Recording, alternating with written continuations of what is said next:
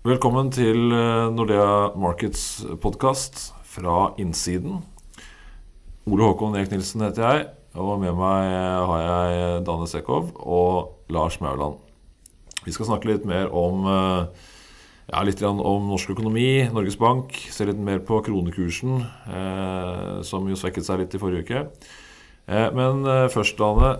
Vi får BNP-tall denne uken. Eh, hvor viktig er egentlig de? Ja, så Norges Bank følger med på utviklingen i BNP-tallene, men de kommer med en to måneds lag. Så det tallet vi får uh, i morgen, er for juli. Og vi har jo uh, sett uh, Vi og Norges Bank følger nok mer på utviklingen i, i, ledigheten. Vi har sett at det er en veldig god sammenheng mellom, mellom ledigheten og aktiviteten i fastlandsøkonomien. Så når ledigheten steg, så sank BNP med om lag 14 eh, på det verste i mars.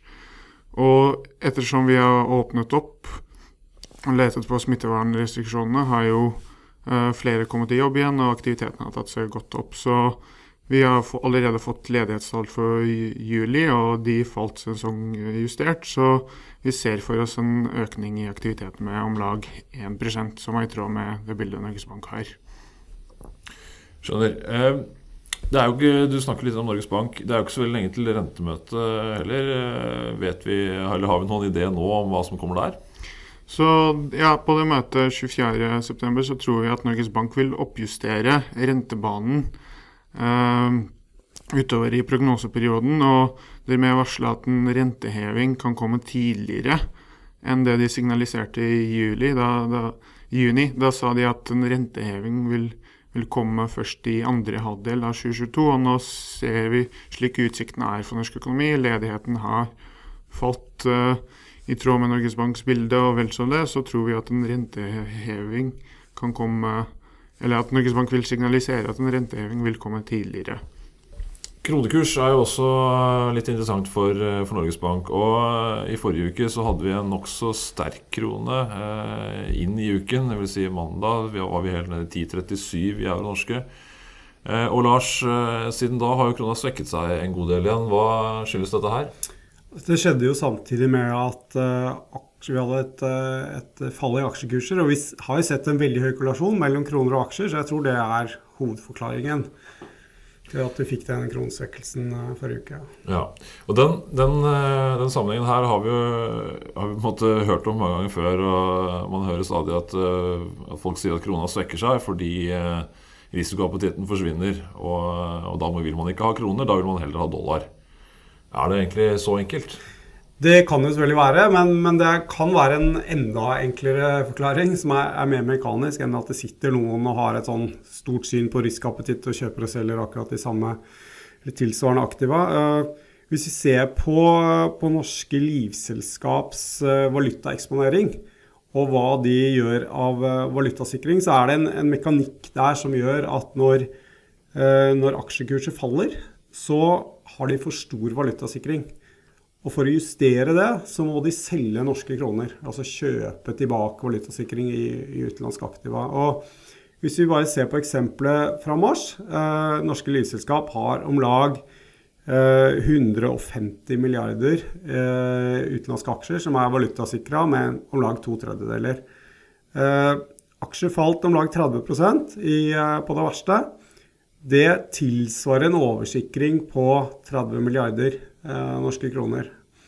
Som de da måtte kvitte seg med. Så vi fikk altså et eh, valuta, et salg av 30 milliarder norske kroner bare for å utligne valutasikringen i mars. Og vi tror det var en veldig viktig driver til at krona svekka seg såpass mye som den gjorde. Så det som egentlig skjer er at Når aksjemarkedet faller, så er det noen som rett og slett må eh, selge kroner. Eh, og eh, Dane, du har vel også sett litt på om vi finner eh, noe støtte for dette her i, i annen statistikk? Så ja, Vi har tilgang til valutahandelsstatistikken fra Norges Bank. Alle de store bankene i Norge rapporterer deres valutatransaksjoner og med hvem, hva slags motparter de har gjort det med. Og Vi har sett på disse ukentlige tallene vi får, og vi finner en veldig god sammenheng mellom utviklingen i aksjemarkedet eh, fra uke til uke og kronekjøpene eh, og salgene til eh, livselskapene. Så i den perioden Lars snakka om, fra 9.3 til 3.4, hvor aksjemarkedet falt med om lag 30 i USA, så så vi at livselskapene i de fire ukene solgte netto 26 milliarder kroner. Som er i tråd med det bildet Lars har snakket om. Mm. Og i et, uh, I et, kronemarked som jo i utgangspunktet ikke er fantastisk stort, når den flowen der uh, blir såpass stor i, i, på såpass kort tid, så er det naturlig å tenke seg at det, det, vil prege kursen ganske mye, og at markedet også vil oppleves som illikvid. Og kanskje er det grunn til å tenke at når, når aksjemarkedet faller, så blir kronemarkedet illikvid. Fordi kronekursen svekker seg. Det er kanskje egentlig ikke den andre veien. Men Lars, vi ser også at eh, norske kredittspredder har beveget seg godt i takt med resten av aktivamarkedet. Det er kanskje ikke så rart i seg selv altså at, eh, at kredittspreddene kommer ut når, når risikoappetitten forsvinner, eller når i koronakrisen aksjemarkedet falt så mye som det, det gjorde. Eh, men eh, er det, er det noen, noen, andre sammenhenger her også som, som preger kredittmarkedet? Ja, jeg tror det, det er nok en effekt av valutasikringen eh, som gjør at eh, utenlandske aktiva stiger i verdi, målt i norske kroner, når kronekursen eh, svekker seg. Men da også verdien av valutasikringen faller. Sånn at uh, norske livselskap har, har, solgt valuta på termin, og den valutaen blir dyrere.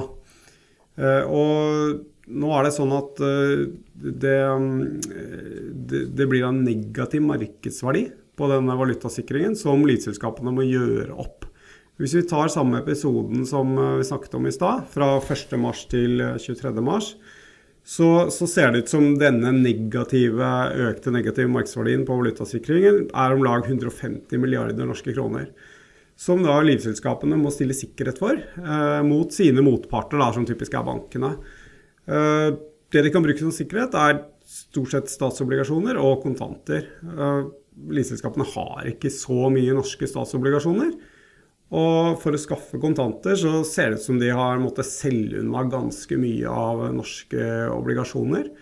Og vi, vi har ikke eksakte tall på det, men vi kan bruke fondsdata på eh, norske, norske, obligasjonsfond som en, en pekepinn. Og der, der, ser vi at det ble solgt unna om lag 10 milliarder eh, i eh, denne perioden. Og, og, det stemmer nok ganske godt med det bildet vi har. Så, så måtte kalle tvangssalg av eh, obligasjoner for å dekke sikkerhetsstillelse, eh, for å gjøre opp for negative markedsverdier på valutasikring.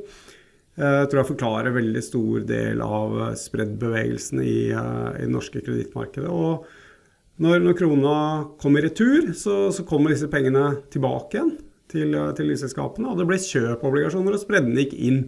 Derfor ser vi også veldig høy korrelasjon mellom norske spredder og kronekurs og aksjer. Uh, og jeg tror i hvert fall denne mekanikken med, med, valutasikring kan forklare en ganske stor del av det. Mm.